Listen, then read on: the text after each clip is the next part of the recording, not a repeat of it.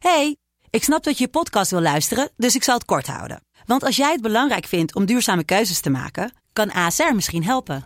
Nou hoor ik je denken, hoe dan? Nou, bijvoorbeeld bij het duurzaam herstellen van schade. Of de premies die we beleggen volgens ons duurzaam beleggingsbeleid. Dat bepaalt waar we wel en juist niet in investeren. Wil je meer weten over welke duurzame keuzes ASR maakt? Ga dan naar asr.nl slash duurzame keuzes. ASR doet het.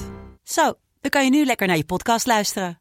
Hey, ik snap dat je je podcast wil luisteren, dus ik zal het kort houden. Want als jij het belangrijk vindt om duurzame keuzes te maken, kan ASR misschien helpen. Nou hoor ik je denken, hoe dan? Nou, bijvoorbeeld bij het duurzaam herstellen van schade. Of de premies die we beleggen volgens ons duurzaam beleggingsbeleid. Dat bepaalt waar we wel en juist niet in investeren. Wil je meer weten over welke duurzame keuzes ASR maakt? Ga dan naar asr.nl slash duurzame keuzes. ASR doet het.